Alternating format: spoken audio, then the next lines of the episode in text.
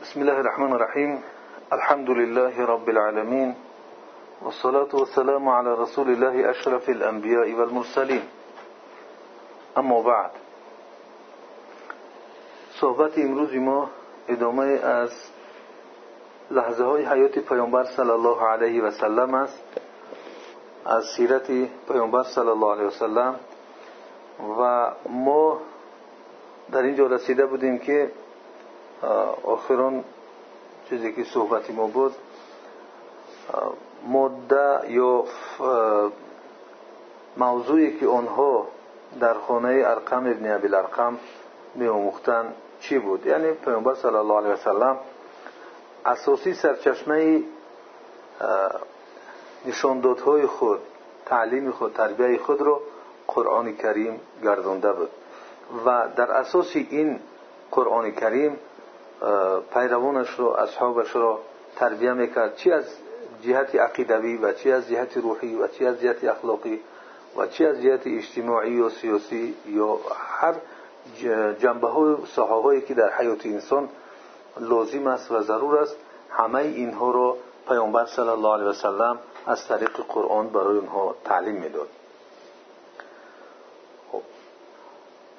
این ادامه که امروز می‌خواهیم از آن شروع کنیم این است که چرا پیامبر صلی الله علیه وسلم خانه ارقم رو انتخاب نمود رضی الله عنه خب. در مورد اختیاری پیامبر صلی الله علیه وسلم خانه ارقم ابن ابل ارقم رو چند سبب است یکی از سببهایش این است که خودی ارقم با مسلمان بودنش معروف و مشهور نبود. یعنی دانسته نشده بود که اون اسلام آورده است. معروف نبود. و به فکر یگان کس نمیگذشت که پیامبر صلی الله علیه وسلم با همراهی اصحابش در خانه این شخصیت جمع می یعنی چون شخصی معروف نبود با اسلام داریش شناخته نشده بود مردم نمیشناختنش به این صورت. پس در گمانی مردم نمی‌رفت که در خانه این پیامبر صلی الله علیه و اصحابش رو جمع می‌کنه. یکی از سببهاش این است. سبب دیگر این است که ارقم ابن امیل ارقم از بنی مخزوم است. و قبیله بنی مخزوم خب اینها از جمله کسانی بودند که پرچم تنافس و مسابقه و زیدیت رو در برابر بنی خوشیم داشتن. قبیله پیامبر صلی الله علیه یعنی این دو قبیله بودند که با هم در روبرو می ایستادند و تنافس داشتند مسابقه بین هم داشتند رقابت بین هم داشتند. اگرچه ارقم ابن ابی الارقم هم معروف می بود با اسلام داریش به هر حال به فکر این آنها نمیگذشت که گویا که پیامبر صلی الله علیه و سلم اصحابش را در کجا جمع کند در یک مرکزی کسانی که آنها با قبیله آنها در منافسه و در دشمنی هستند. یعنی قبیله اینها با قبیله بنی مخزوم با بنی هاشم دشمنی داشتند یا مسابقه و منافسه و رقابت داشتند. هیچ وقت به فکر آنها نمیگذشت که اصحابش رو گرفته محمد صلی الله علیه وسلم در بین قبیله خود نه در یک قبیله که در یک قومی که آنها با اینها دشمن هستند در اینجا جمع می‌شد به فکر کسی این نمیگذشت. سبب سومش که خانه ارقم ابن ابی الارقم رضی الله عنه اختیار شد برای این کار برای این تعلیم و تربیه پیامبر صلی الله علیه و جمع شدن آنها اینکه خودی ارقم جوان بود وقتی که اسلام آورد. بسیار جوان در حدود 16 سالگی بود. عمرش 16 ساله بود. ولی قریش وقتی که می‌خواست پیدا بکند پیامبر صلی الله علیه و که در کجا با آنها جمع می شود اولین چیزی که او اندیشه می‌کرد فکر می‌کرد جستجو می‌کرد این برای پیدا کردن جای و خوری اینها هرگیز به فکر نمی نمیگذشت که در خانه های این جوان پسران آنها جمع یک اینها ولی بچه بودن در خانه اینها ناممکن بود که جمع می شدن بلکه نظری اونها به این سوره نمی شد که باید اونها در خانه های کلانسال هاشون جمع شوند. در اصحابی که عمرشون رفته است کلانسالتر هستند. نه در خانه های بچه ها. یا اینکه در گمانشون به این می‌رفت که شاید در خانه پیامبر صلی الله علیه و یا که در خانه اصحابی بزرگساری پیامبر صلی الله علیه و سلم جمع می‌شوند. نه در خانه اون جوان ها ممکن بود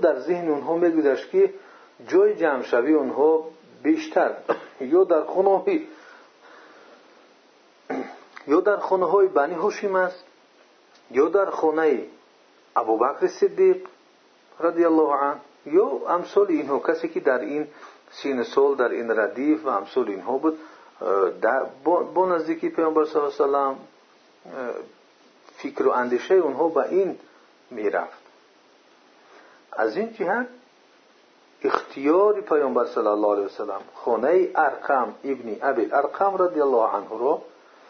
بسیار حکیمانه بوده است و هم از جهتی بخطری و هم از جهتی برای مشکلی سرشان نامدن بسیار اختیاری موفق و حکیمانه بوده است. و هرگیز در تاریخ نامده است که قریش گویا روز از روزها بر این مرکز هجوم کرده باشد و مکان اونها را کشف کرده باشد دانسته باشد که اینها همینجا جمع میشن. این چیز اصلا رخ دادگی نیست. این بود اسبابی اختیاری پیامبر صلی الله علیه و خانه ارقم ابن ابی الارقم رضی الله عنه را. یعنی یکم اینکه ارقم ابن ابی الارقم با اسلامش معروف نبود خب. و یعنی وقتی قریش گمان می‌کرد که در کجا جمع میشن هرگیز گمانش نمی‌رفت که در خانه یک شخصی که معروف نیست به اسلام جمع میشن یا که از جهت دیگر گفتیم که دیوم سببش این که اینها قبیله ارقم ابن ابی ارقم بنی مخزوم بود. این قبیله با بنی هاشم که قبیله پیامبر صلی الله علیه و بود در رقابت و در دشمنی واقع بودن هرگیز به فکر اونها چنین نمیگذشت که اینها اومده در یعنی منطقه و محلی که دشمنانشون هستند در اون منطقه اینها جمع شوند. خب. و این چنین سبب دیگر چه گفتیم که این کس در زمان جوانیش بود و هرگیز به فکر آنها نمیگذشت که پیامبر صلی الله علیه و در خونه یک جوان این کار بکنند. یا فکرشون میگشت که پیامبر صلی الله علیه و در خونه خودش این کار انجام میتید و در خانه ابوبکر صدیق یا کسانی که همردیف اینها و به این درجه هستند. این به در مورد اسباب یا سبب های اختیار نمودن پیامبر صلی الله علیه و سلم خانه ارقم ابن ابی الارقم. مسئله دیگر. مسئله دیگر در مورد صفت های آن نسل اول است. این نسل اول که اصحاب کرام بودند چه صفت ها داشتند؟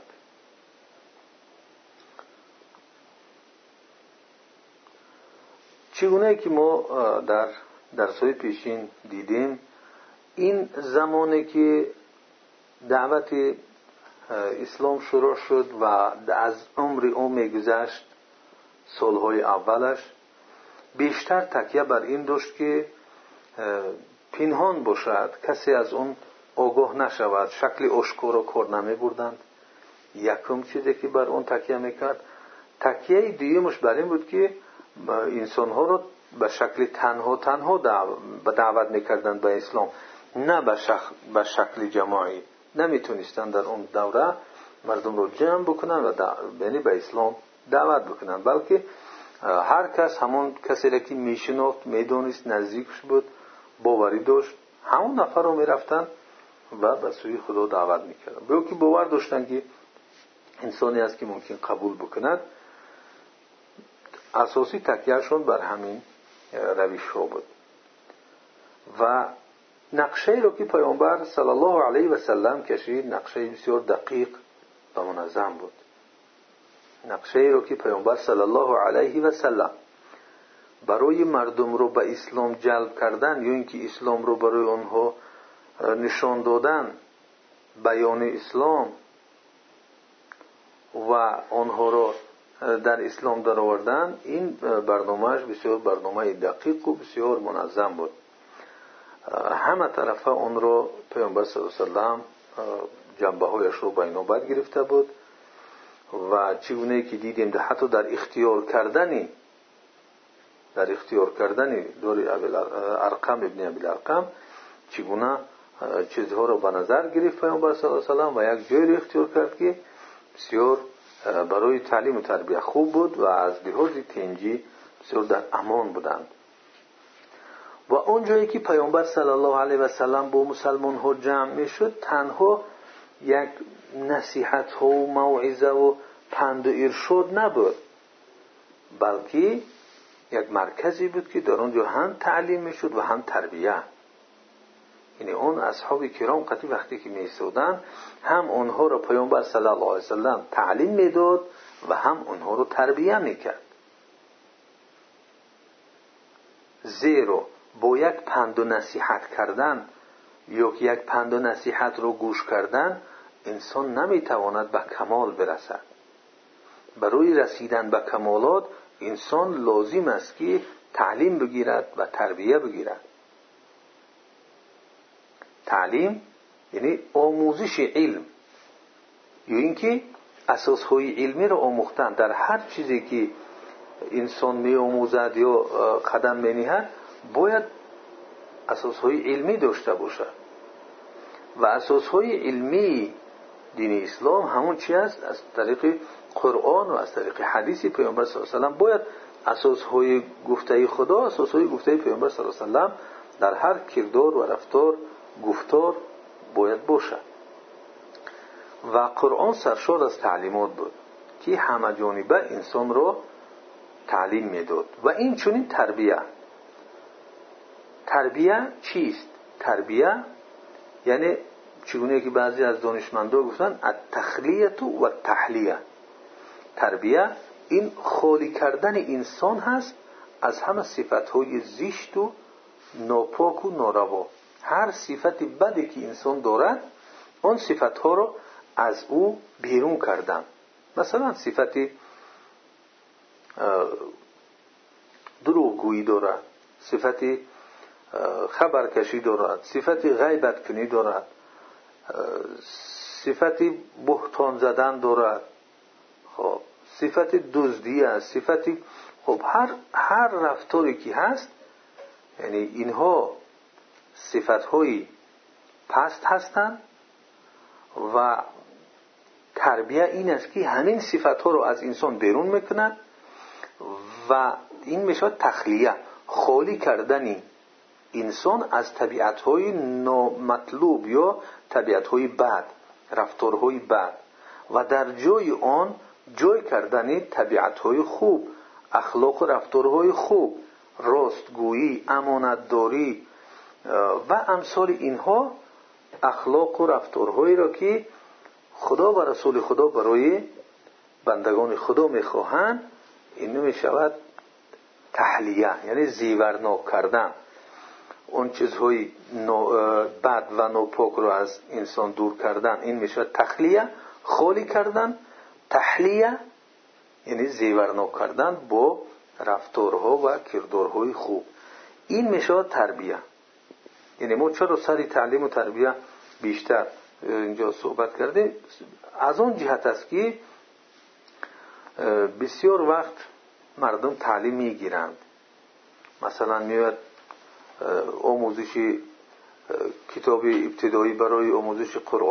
آموزش قرآن بعد از اون دیگر کتاب ها و دیگر کتاب مثلا صرف و نحو خب دیگر کتاب را علم حدیث و حدیث و علم قرآن و اصول قرآن. خب همه تفسیر و این چیزها رو می آموزد ولی اینها همش تعلیم هستند نه تربیه. وقتی انسان تعلیم رو می‌گیرد ولی تربیه رو نمی‌گیرد یعنی اون علمی او در او اثر نکرده است. علمی او در او جای گرفتگی نیست. اون علمش وقتی در او جای می‌گیرد که اون تربیه یافتگی باشد. برای همین است که بعضا انسان علم می‌گیرد عالم و دانشمند می‌شود ولی انسان کامل نمی‌شود. یعنی انسانی که به درجه کمالات یا به سوی کمالات رونده باشد نمی‌شود. چرا؟ زیرا که علم دارد ولی تربیه ندارد. اون علم را تجربه نکرد یا اون را استادانش تربیه نکردند که اخلاقهای بد رزیله ناپاک ناخوشی او را از او تازه کنند دور کنند و در جای اون اخلاقها اخلاقهای حمیده اخلاقهای خوب را بیاورند چگونه که اون مثال معروف هست که ابو ذر غفاری بلال بن رباح رضی الله رضی الله عنهم اجمعین رو گشت گفت که یعنی تنش کرد به سیاه پوست بودنش که بچه سیاه حضرت بلال رضی الله عنه شکایت کرد به رسول خدا صلی الله علیه وسلم که من را ابوذر و مادرم تعنه می‌کنند و چون پیامبر صلی الله علیه وسلم از ابوذر غفاری پرسید که آیا چنین گفتی ببینید وقتی اونها تربیه یافتند در مکتب پیامبر صلی الله علیه وسلم نه تنها تعلیم گرفتند بلکه تربیه یافتند گفت چنین گفتی گفت بله گفتم. یعنی دروغ نگفت راست گفت که این چیز از من گذشت. پیامبر علیه السلام وقتی فهمید که این گپ از دهان او برآمده است ببینید که چی بهایش داد. یک سفید پوست وقتی یک سیاه پوست را به پوست به رنگ پوست بدن تحقیر می‌کنند گفت ای ابوذر تو انسان هستی که تا حالا هم جاهلیت در تو وجود دارد یعنی تح... تخلیه شدگی نیست. از اون بدنش از اون اخلاق هایی که نامطلوب است خالی شدگی نیست.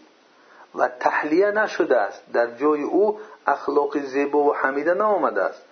ببینید این چیز رو پیامبر صلی الله علیه و چقدر یعنی زیشت شما گفت این نکم فی که جاهلیه. تو انسانی هستی که تو حالا جاهلیت در تو وجود داره. این بود که چخیلی که در قصه معروف است و می‌دونید ابوذر غفاری سرش رو روی زمین موند و گفت که تا این بلال پایش را اون کسی که من تعنش کردم با پای سیاهش اگر بر روی من نماند من روی خود را از زمین نمی بردارم سرم را از زمین نمی بردارم چون بلال رضی الله عنه در مکتب پیامبر صلی الله علیه و تعلیم گرفته بود تربیه گرفته بود گفت آن سری که پیش خداوند سجده کرده است پای بلال هرگیز بالای آن مانده نمی شود نمی ماند پویش ببینید تربیه چقدر مهم است. از این رو ما مثال ها یعنی تجربه های زیادی را در حیات خود می‌بینیم که یک کس قرآن را کاملا حفظ می‌داند حدیث می‌داند بعضی کتاب ها را خوان ولی در حیات اون از بوی از بوی خوش از عطری قرآن از عطری حدیث های پیامبر صلی الله علیه وسلم از عطری اون تفاسیر اون علم حدیث و دیگر چیزهایی که باید می‌گرفت و بوی خوشی اخلاق و رفتاری زیبا از اون میومد اون چیز دیده نمی شود بلکه برعکس می‌بینی که اون علم را دارد ولی از اون رفتار گفتار که به اون خدا راضی نیست رسول خدا راضی نیست مسلمان های یعنی که علم اسلامی را می‌دونند و رفتار و کردار اسلامی دارند به آن رفتار و کردارش راضی نیستند. چرا؟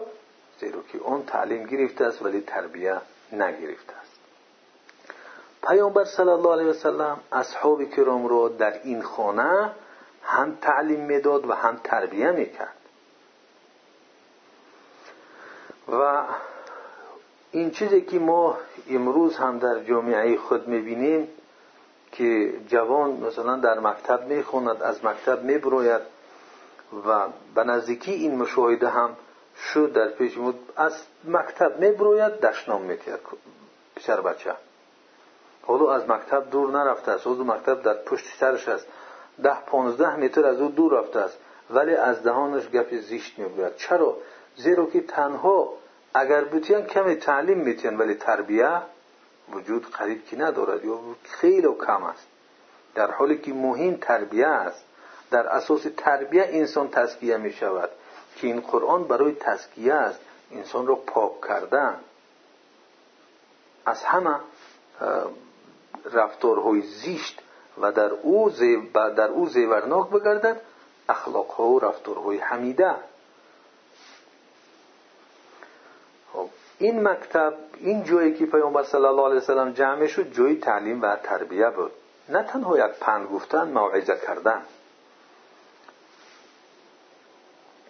و مقصد ما هم از این صحبت در پرتو قرآن این است که انسان در هر درسی که می‌گیرد اینجا خود را باید ببیند که علاقه او با گفته خداوند چگونه است. علاقه او با رفتار پیامبر صلی الله علیه وسلم چگونه است؟ با گفته ای که پیامبر صلی الله علیه وسلم گفته است خود را مقایسه بکنه. اصحاب کرام چه خیل بودند با اخلاق رفتاری اونها خود را مقایسه بکنند اگر خود را مقایسه نکرد با گفته خدا با گفته رسول خدا صلی الله علیه وسلم با اون چیزی که از جانب اصحاب کرام برای ما می‌رسد مقایسه نکرد و خود را اصلاح نکرد این درس ها برای او فایده ندارد برای همین چقدر احتمام سخت دادن لازم است تو اینکه ما خود را در این ترازوهای قرآن حدیث پیامبر صلی الله علیه وسلم و اخلاق و رفتار و گفتار اصحاب کرام بسنجیم و ببینیم که آیا ما چقدر سزاوار و اهل این مکتب پیامبر صلی الله علیه وسلم هستیم زیرا که پیامبر صلی الله علیه وسلم کسانی رو تربیه می‌کرد. کسانی رو تعلیم می‌داد که آنها باید فرد و عنصرهای اساسی یا کسانی که تکیه بر آنها می‌شد در دعوت رو الله. مردم رو باید اینها دعوت می‌کردن. مردم رو به سوی خدا میخواندن و این وزن این باری گران رو آنها باید به دوش می‌گرفتن. زیرا پیامبر صلی الله علیه وسلم ابدی نمیماند. یک روز نه از این دنیا سفر می‌کرد. پس باید کسانی می بود که این امانت رو به دوش بگیرد. و سزاوار و لایق برداشت این امانت باشند. از این جهت پیامبر صلی الله علیه وسلم هر فرد را به دقت اختیار می‌کرد به دقت اونها رو تعلیم می‌داد و به دقت اونها رو تربیه می‌کرد.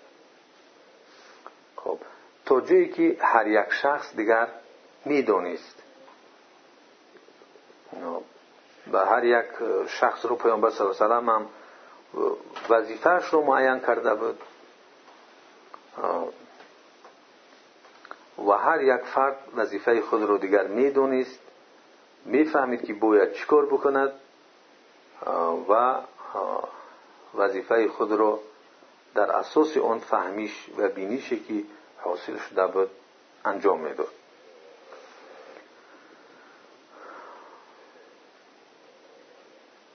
در زمانی که پیامبر صلی الله علیه و اینها رو تربیه می‌کرد در فتره مکی یا در زمان در مکه بودن بسیار این حرکت تعلیمی حرکت تربیوی پیامبر صلی الله علیه وسلم بسیار به یک شکلی آهسته حرکت می‌کرد به شکلی تدرج یعنی درجه به درجه و به شکل پنهانی بود. یعنی امروز بعضی انسان ها می‌خواهد در یک درس یا در یک ماه یا که در یک مدت کوتاه همه چیز رو بگیرد در حالی که ببینید بهترین مربی که پیامبر صلی الله علیه وسلم بود و بهترین اشخاصی را که آنها بودند که آنها اصحاب کرام هستند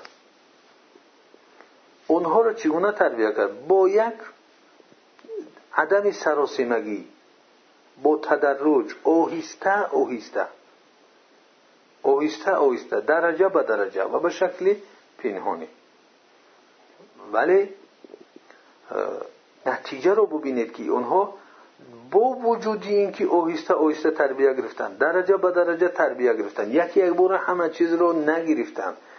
و شکل پنهانی این کار انجام دادند ولی ببینید که به کدام اوجی کمالات رسیدند. برای ما امروز خواهش است که در یک زمان همه علم و همه معرفت و همه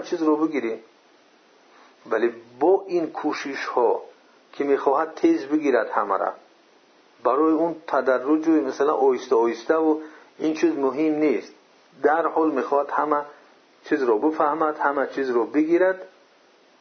ولی نتیجهش آیا به اون کمالات رسیده است؟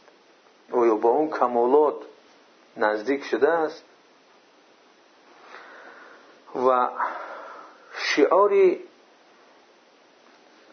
اصحاب کرام و شعاری پیامبر صلی در اون زمان این آیت 28 سوره کهف بود که اعوذ بالله من الشیطان الرجیم. واصبر نفسك مع الذين يدعون ربهم بالغداة والعشي يريدون وجهه ولا تعد عيناك عنهم تريد زينة الحياة الدنيا ولا تطع من أغفلنا قلبه عن ذكرنا واتبع هواه. وكان أمره فرطا. يعني ترجمه این آیت چنین است که و با کسان و با کسان باش که پروردگار خود را هر صبحگاهان و شامگاهان می‌خوانند دعا می‌کنند و تنها وجه او را میطلبند. یعنی خالصانه تنها وجه او را میطلبند. این تعلیمشون این تربیهشون برای بالاگذری برای یگان منصب برای منافع دنیایی نیست. تنها وجه او را رضای او الله تعالی را میطلبند. و هرگیز به خاطر زیورهای دنیا برای مال دنیا زیورهای دنیا چشمانت از آنها چشمانت را از آنها برمگیر.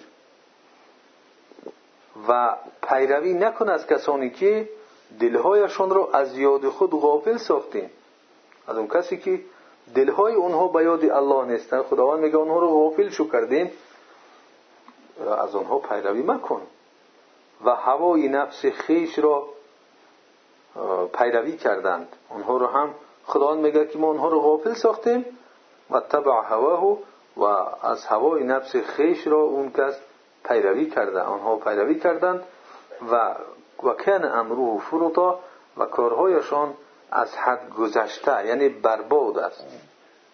از حد گذشته و برباد است. این آیه کریمه پیامبر خدا صلی الله علیه وسلم رو امر می‌کند که صبر رو پیشه کنند صبر رو در چی؟ در تقصیرات و کوتاهی ها و خطاهایی که از جانب کسانی که دعوت رو قبول کردند و آمدند. یعنی درست است او امروز قبول کرد که به خدا ایمان میارد به رسول خدا ایمان میارد شهادت می‌دهد که نیست اله جز الله سبحانه و تعالی. و شهادت می‌دهد که پیامبر بنده و رسول الله است. ولی به مجرد شهادت دادن اون همه اسلام را نمی‌داند. ممکن است که اون معلومات ها و اون فرهنگ و اون تربیه که پیش از اسلام داشت در اونجا همه اون طول باقی هست. به سبب اون رفتار به سبب اون کردارهایی که داشت فرهنگ پیشینه که داشت ممکن که بعضی رفتارهایی که می‌کند این رفتارهایش در میزان اسلامی کوتاهی شماریده می شود خطا شماریده می شود این امر الهی پیامبر صلی الله علیه رو امر می‌کند به صبر کردن. با همین نفرانی که نو اسلام را قبول کردند به اسلام اومدن نو حالا آمدن می آموزند ممکن است از اونها کوتاهی ها سر زند ممکن است از اونها خطا سر زند. پس صبر کن. بر این سوال های زیادی که آنها می‌دهند و این هم صبر کن. مخصوصا وقتی که بعضی سوال های می‌تونه که سوال ها خطا هست. بر اینها صبر کن. خب. و این چونین در قبول کردن توجیهاتی که پیامبر صلی الله علیه و برای اونها می‌کنند برای اونها یک مسئله رو معین می‌کند یک روحی رو برای اونها مقرر می‌سازد ولی اونها دو دیله می‌شوند. در قبول کردن این گفته پیامبر صلی الله علیه و اندیشه می‌کنند. تأخیر می‌کنند در قبول اون. صبر کنند به آنها و این چونین کوشش بکنند که آنها رو هم به صبر تربیه کند به صبر دعوت بکند. در وقتی که از جانب دشمنان این دعوت فتنه های سری آنها می آید درست است. این راه چنین نیست که یعنی راهی منفرش باشد راهی بسیار یعنی خیلی هموار باشد که انسان به تشویش به آن قدم بزند برود. نه گاه می شود که سر اون مشکلی ها می آید فتنه ها می آید از جانب دشمنان این راه پس باید انسان در اینجا صبر داشته باشد و صبر کند. پیامبر صلی الله علیه و آنها را به این چیز تربیه می کرد که آنها صبر کنند وقتی که از جانب این دشمنان دعوت فتنه سری آنها آمد. فتنه امتحان یعنی هر نمود امتحانی که به سری آنها می آمد. و این چنین برایشان می آموزند روشن می کرد که طبیعتی این راه طبیعت راه دعوت به سوی الله همین خیلی است. مشقت دارد سختی ها دارد. و لازم است برای برداشت این مشقت و این سختی ها انسان صبر کند. صبر داشته باشد. و یگان فریبنده آن را فریب ندهد و از این راه او را دور کند. یگان فریبنده او را از این راه فریب نکند و دورش نکند. به این چیز پیامبر صلی الله علیه وسلم آنها را تربیه می‌کرد. این بود که آنها دیگر صبر می‌کردند در برابر هر فتنه و هر مشکلی که سرشون میومد و طبیعت راه را فهمیدن که مشقت دارد وزنینی دارد. و وقتی که یکم فریبگر می اومد چگونه که آمدن پیشی ابوبکر صدیق رضی الله عنه گفتن که ببین که این دوستی تو چی می‌گوید؟ تا روز ما را این خیل بعضی گپ ها می‌گفت امروز دعوای دارد که در یک شب به بیت المقدس رفته است از اونجا به آسمان رفته است. ابوبکر صدیق رضی الله عنه چون تربیه رو گرفته بود گفت اگر گفته باشد راست گفته است. اگر این گپ رو گفته باشد که در یک شب به بیت المقدس رفته است و از آنجا به آسمان رفته است البته راست گفته است. یعنی این تربیه هست. این انسان دارای مبدأ هست. مبدأ های معینی در حیاتش دارد. چون نمیگم پرینسیپ های معینی در حیاتش دارد که اون مبدأ ها به آسانی تغییر نمییابند. این چنین چونین آنها را پیامبر صلی الله تربیت کرد که آنها کسانی که نقص میرسانند در این دین اسلام آنها را گوش ننهند ببینید حتی گوش کردن به کسی که به اسلام نقص میرساند به این راه دعوت نقص میرساند آنها دیگر این شخصیت ها را گوش نمی‌کردند پشت گپی آنها نمیگشتند درست است که اینها مبارزه می‌برند اینها کوشش می‌کنند که از راه خدا انسان رو بر بگردونند ولن ترضى عنك اليهود ولا النصارى حتى تتبع ملتهم. یهود و نصارا از تو راضی نمی‌شوند تا اینکه تو از ملت آنها پیروی نکنی. وقتی که پیروی کردی بعد از تو راضی تا اون دم از تو راضی نمی‌شوند یعنی هر نقص هر کمبودی را که در این دین در این دعوت میرسانند انسان نباید که از پشت آنها برود گپی آنها را گوش بکند گپی آنها قطعی برود. خب و اینچنین این دعوتی نیست که در آن انسان متکبر اطاعت شود. این دعوتی است که در آن گفته خدا و رسول خدا اطاعت می شود این دین دینی عدالت است دینی حکمت است دینی رحمت است. دینی است که در آن گفته خدا و رسول خدا هدایتگر است. نه اینکه یک شخصی متکبر یک کسی که خودش کلان می‌گیرد درست است. در حیات بسیار کسانی هستند که خود را کلان می‌گیرند ولی از اندکترین حکمت از اندکترین رحمت از اندکترین هدایت برخوردار نیستند. حتی خداوند قلب های اونها را از حقیقت امور از حقیقت جوهری یعنی اشیا غافل کرده است. اونها نمی‌دونند بیخبر هستند پس لازم نیست که انسان این گونه انسان های بیخبر این گونه انسان های غافل انسان هایی که حقیقت های امور حقیقت اشیا را جوهر اشیا را آنها نمی‌دانند. چگونه که امروز یکی از نفرانی که معلومات عالی و وظیفه های بلند داشت میگد من امروز مجبور شدم به یک کار یعنی سر بزنم به کارهای مسافر کشی و وقتی که همه حجت های من درست هستند و بعضی کسان مثلا در راه باز میدارند اینش حق میگد اونش حق میگد وقتی که من اونها را یعنی مال حلال خود من نمیتیم با من آنها جنجال می‌کنن و به سردارهای اینو شکایت می‌کنن. جنایتکار انسانی ببینید که باز شکایت می‌کنه که این برای ما یگان چی نمیده در جایی که سرداری ما میگد ما رو دستگیری کند باز سرزنش می‌کند تنقید می‌کند که این هر روز به این نفرها دست به گریبان است برای اونها حق نمیتید. در جایی که پیامبر صلی علیه وسلم میگه خون مسلمان برای یک مسلمان حرام است. مال مسلمان برای یک مسلمان دیگر حرام است و آبروی او حرام است. اینها همه برابر هستند. ولی او را میگه که امروز زمان ما دیگر شده است باید همین کار را بکنیم.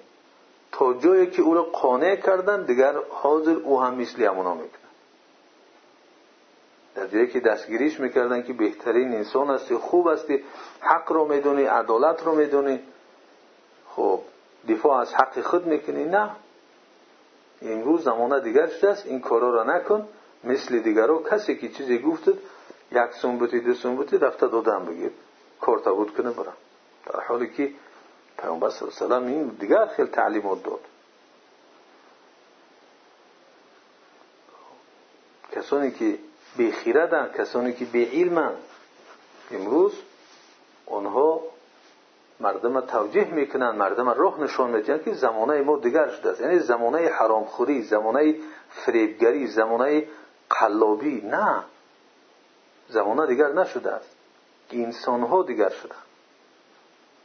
زمانه همون زمان است. پس اگر که راستگو باشی الله که یعنی همون زمانه زمانه راستگویی می شود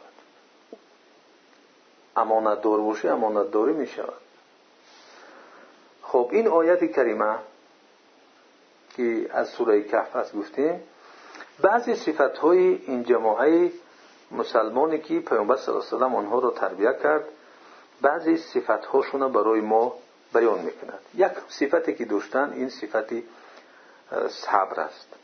واصبر نفسک. پیامبر صلی الله علیه و رو توجیه داد که یعنی تو صبر کن. یعنی با این مردم صبر کن که اینها در ابتدا هستند همه چیز رو نمی‌دونند. و این کلمه صبر در قرآن کریم و در احادیث پیامبر صلی الله علیه و بسیار میاد.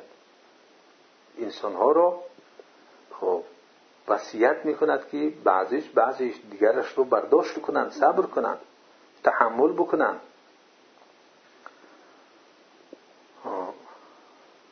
حتی توجهی که صبر از جمله اون چهار صفت گردانده شده است که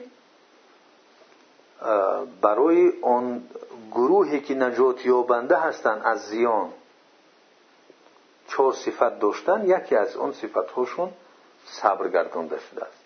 خداوند در سوره عصر میفرماید که اعوذ بالله من الشیطان الرجیم والعصر ان الانسان لفی خسر الا الذين امنوا وعملوا الصالحات وتواصوا بالحق وتواصوا بالصبر. قسم به عصر که انسان در زیان است. و فایدهش کار نمی کند فقط در زیان است. مگر کسانی نیستن یعنی در زیان که ایمان آوردن یک و عمل الصالحات عمل شایسته کردن دو و تواصل بالحق وصیتی به حق کردن سه و تواصل به صبر و همدیگر رو وصیت به صبر کردن. چهار. این چهارم صفت در اینجا صبر است. اینها کسانی هستند که اینها نجاتی و بنده هستند. اینها زیان نمی‌بینند. در اصل انسان اگر این صفت ها را نداشته باشد هر چیزی که در این دنیا داشته باشد و العصر این الانسان لفی خسر. جنس انسان قسم می‌خورد خداوند به عصر که جنس انسان در زیان است. هرگیز به منفعت و فایده خود کار کرده نمی‌توند مگر اینکه ایمان داشته باشد و عمل شایسته کند وصیتی به حق و وصیتی به صبر داشته باشد. نجات انسان تنها وقت می شود که خب نفسش رو انسان مکمل بسازد با این چیزها با ایمان عمل صالح و این چنین نصیحت و ارشاد کردن راه خوب رو برای دیگران نشان دادن گفتن.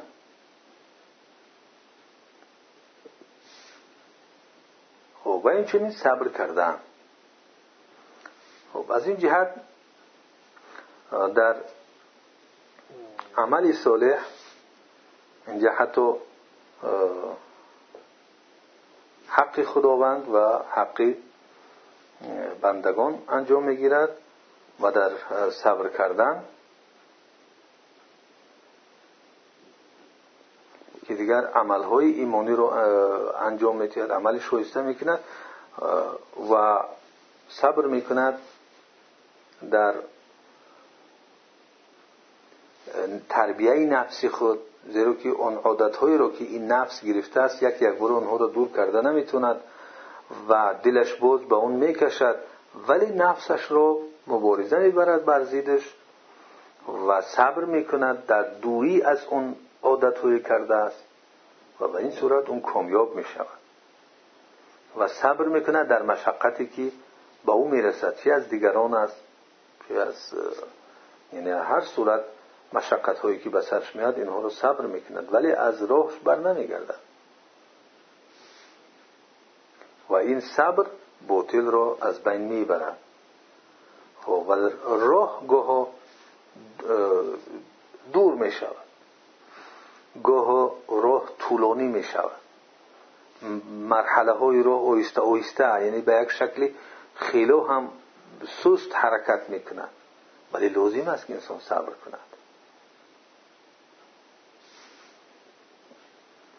خب یعنی صبر در اینجا بسیار چیزی مهم است.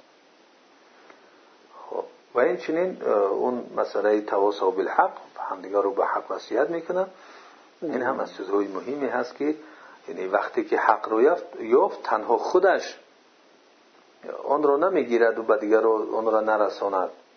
تنها خودش سعادتمند شود و به دیگرها کار نداشته باشد. نه این صفت مسلمان نیست.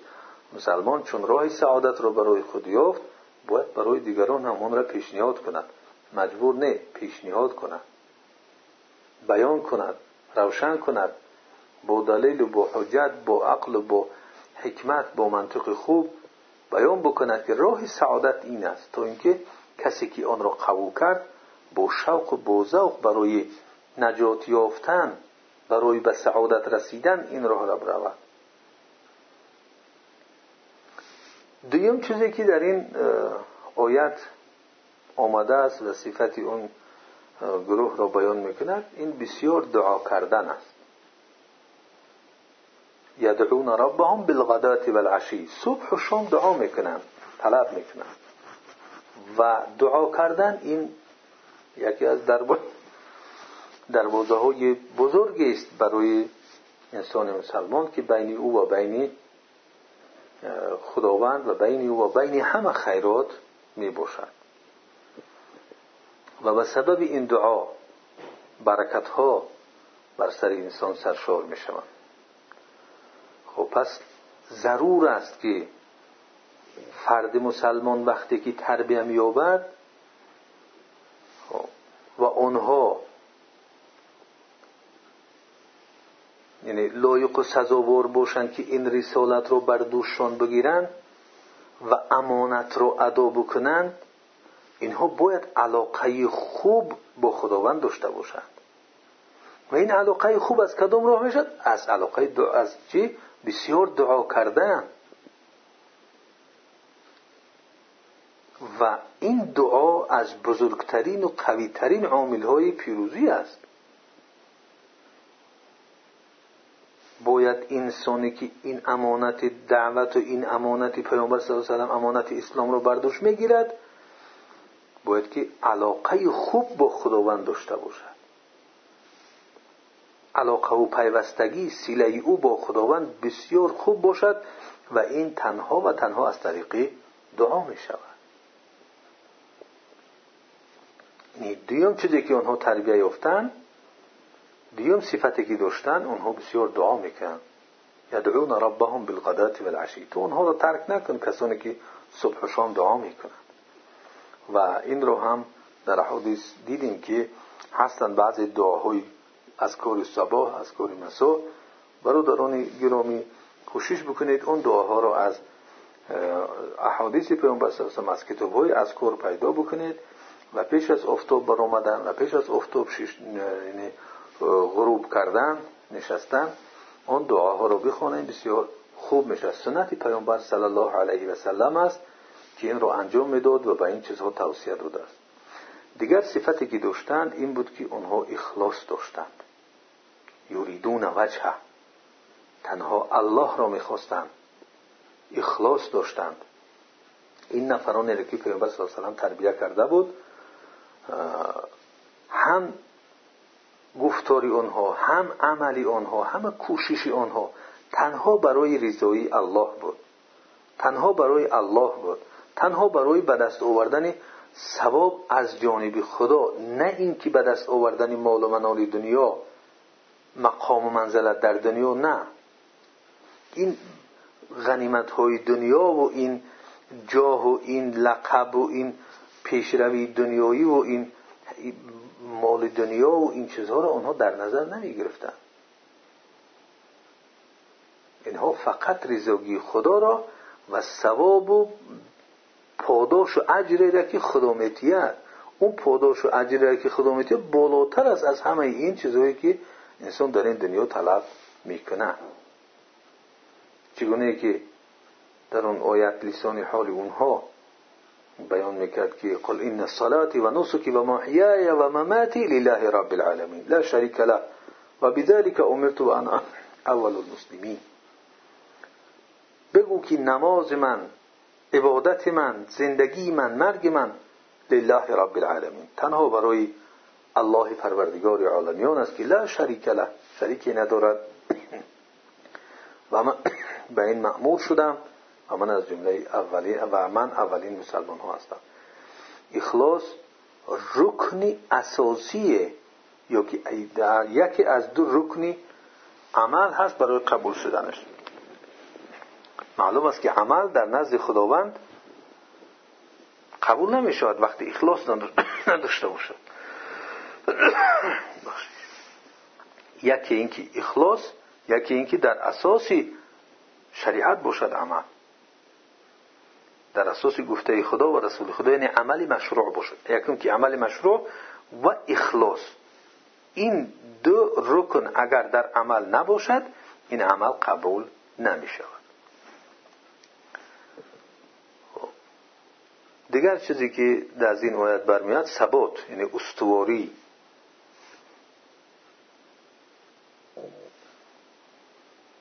ثبات استواری پاورجایی و این از گفته خداوند برمیاد که ولا تعد عیناک عنهم ترید زینت الحیات دنیا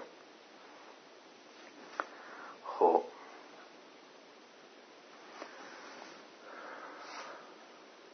لازم است که شخصی که در این راه میخیزد یا تربیه مییابد در این مکتب پیامبر صلی الله علیه و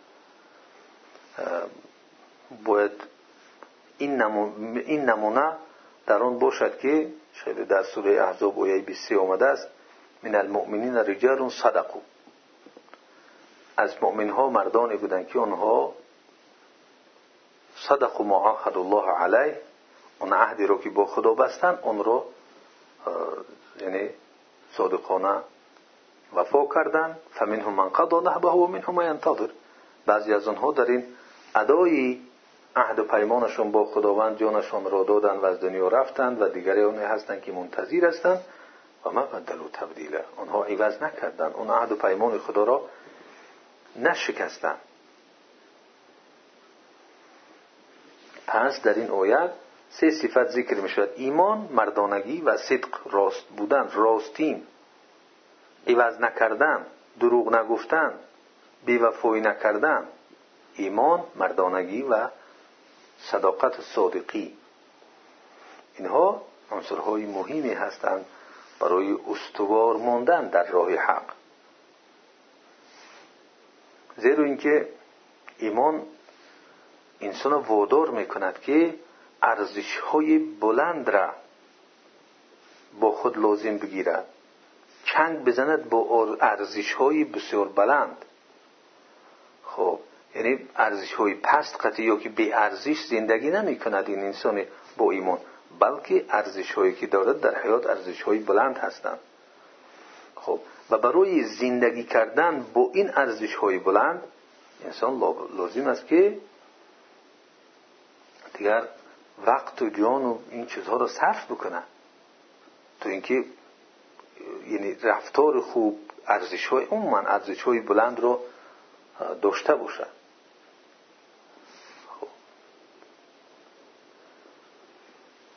و انسانی که مرد هست چون رجال گفت رجال صدقو ما عهد الله علیه خب. و این مردانگی است که انسان را نفسی انسان را به حرکت میدرورد جوان مردانه او را به سوی هدفهای عالی اخلاقی بلند و ایمانی بلند و یعنی اطاعت از خدا و رسول خدا و در هر صورت اون مردانگی است که او را وادار می‌کند به این چیز و این مرد است که به چیزهای این خورد و به چیزهای کشمکشی های خورد و میده و کوچک اینها مشغول نمی شود بلکه دایم فکر و اندیشه است او را به هدف عالی و مبدعهای بسیار بلند حرکت می‌دهند. خب و این صداقت است که انسان در حیاتش تغییر نمی‌خورد تبدیل نمییابد. صادق است دروغگو نیست فریبگر نیست. تنها برای منفعتش نمی‌شود که امروز بدوش بگیرد این امانت را. کارش که بود شد؟ و یگان مشکلی که اومد؟ دیگر باز تغییر بتید خچه دیگر بزند. نه. این گونه نیست این را. تغییر نمیتید تبدیل نمی‌کند عوض نمی‌کند. منهج فکر اندیشه عقیده اون چیزی که از راه خدا و رسول خدا مخته است.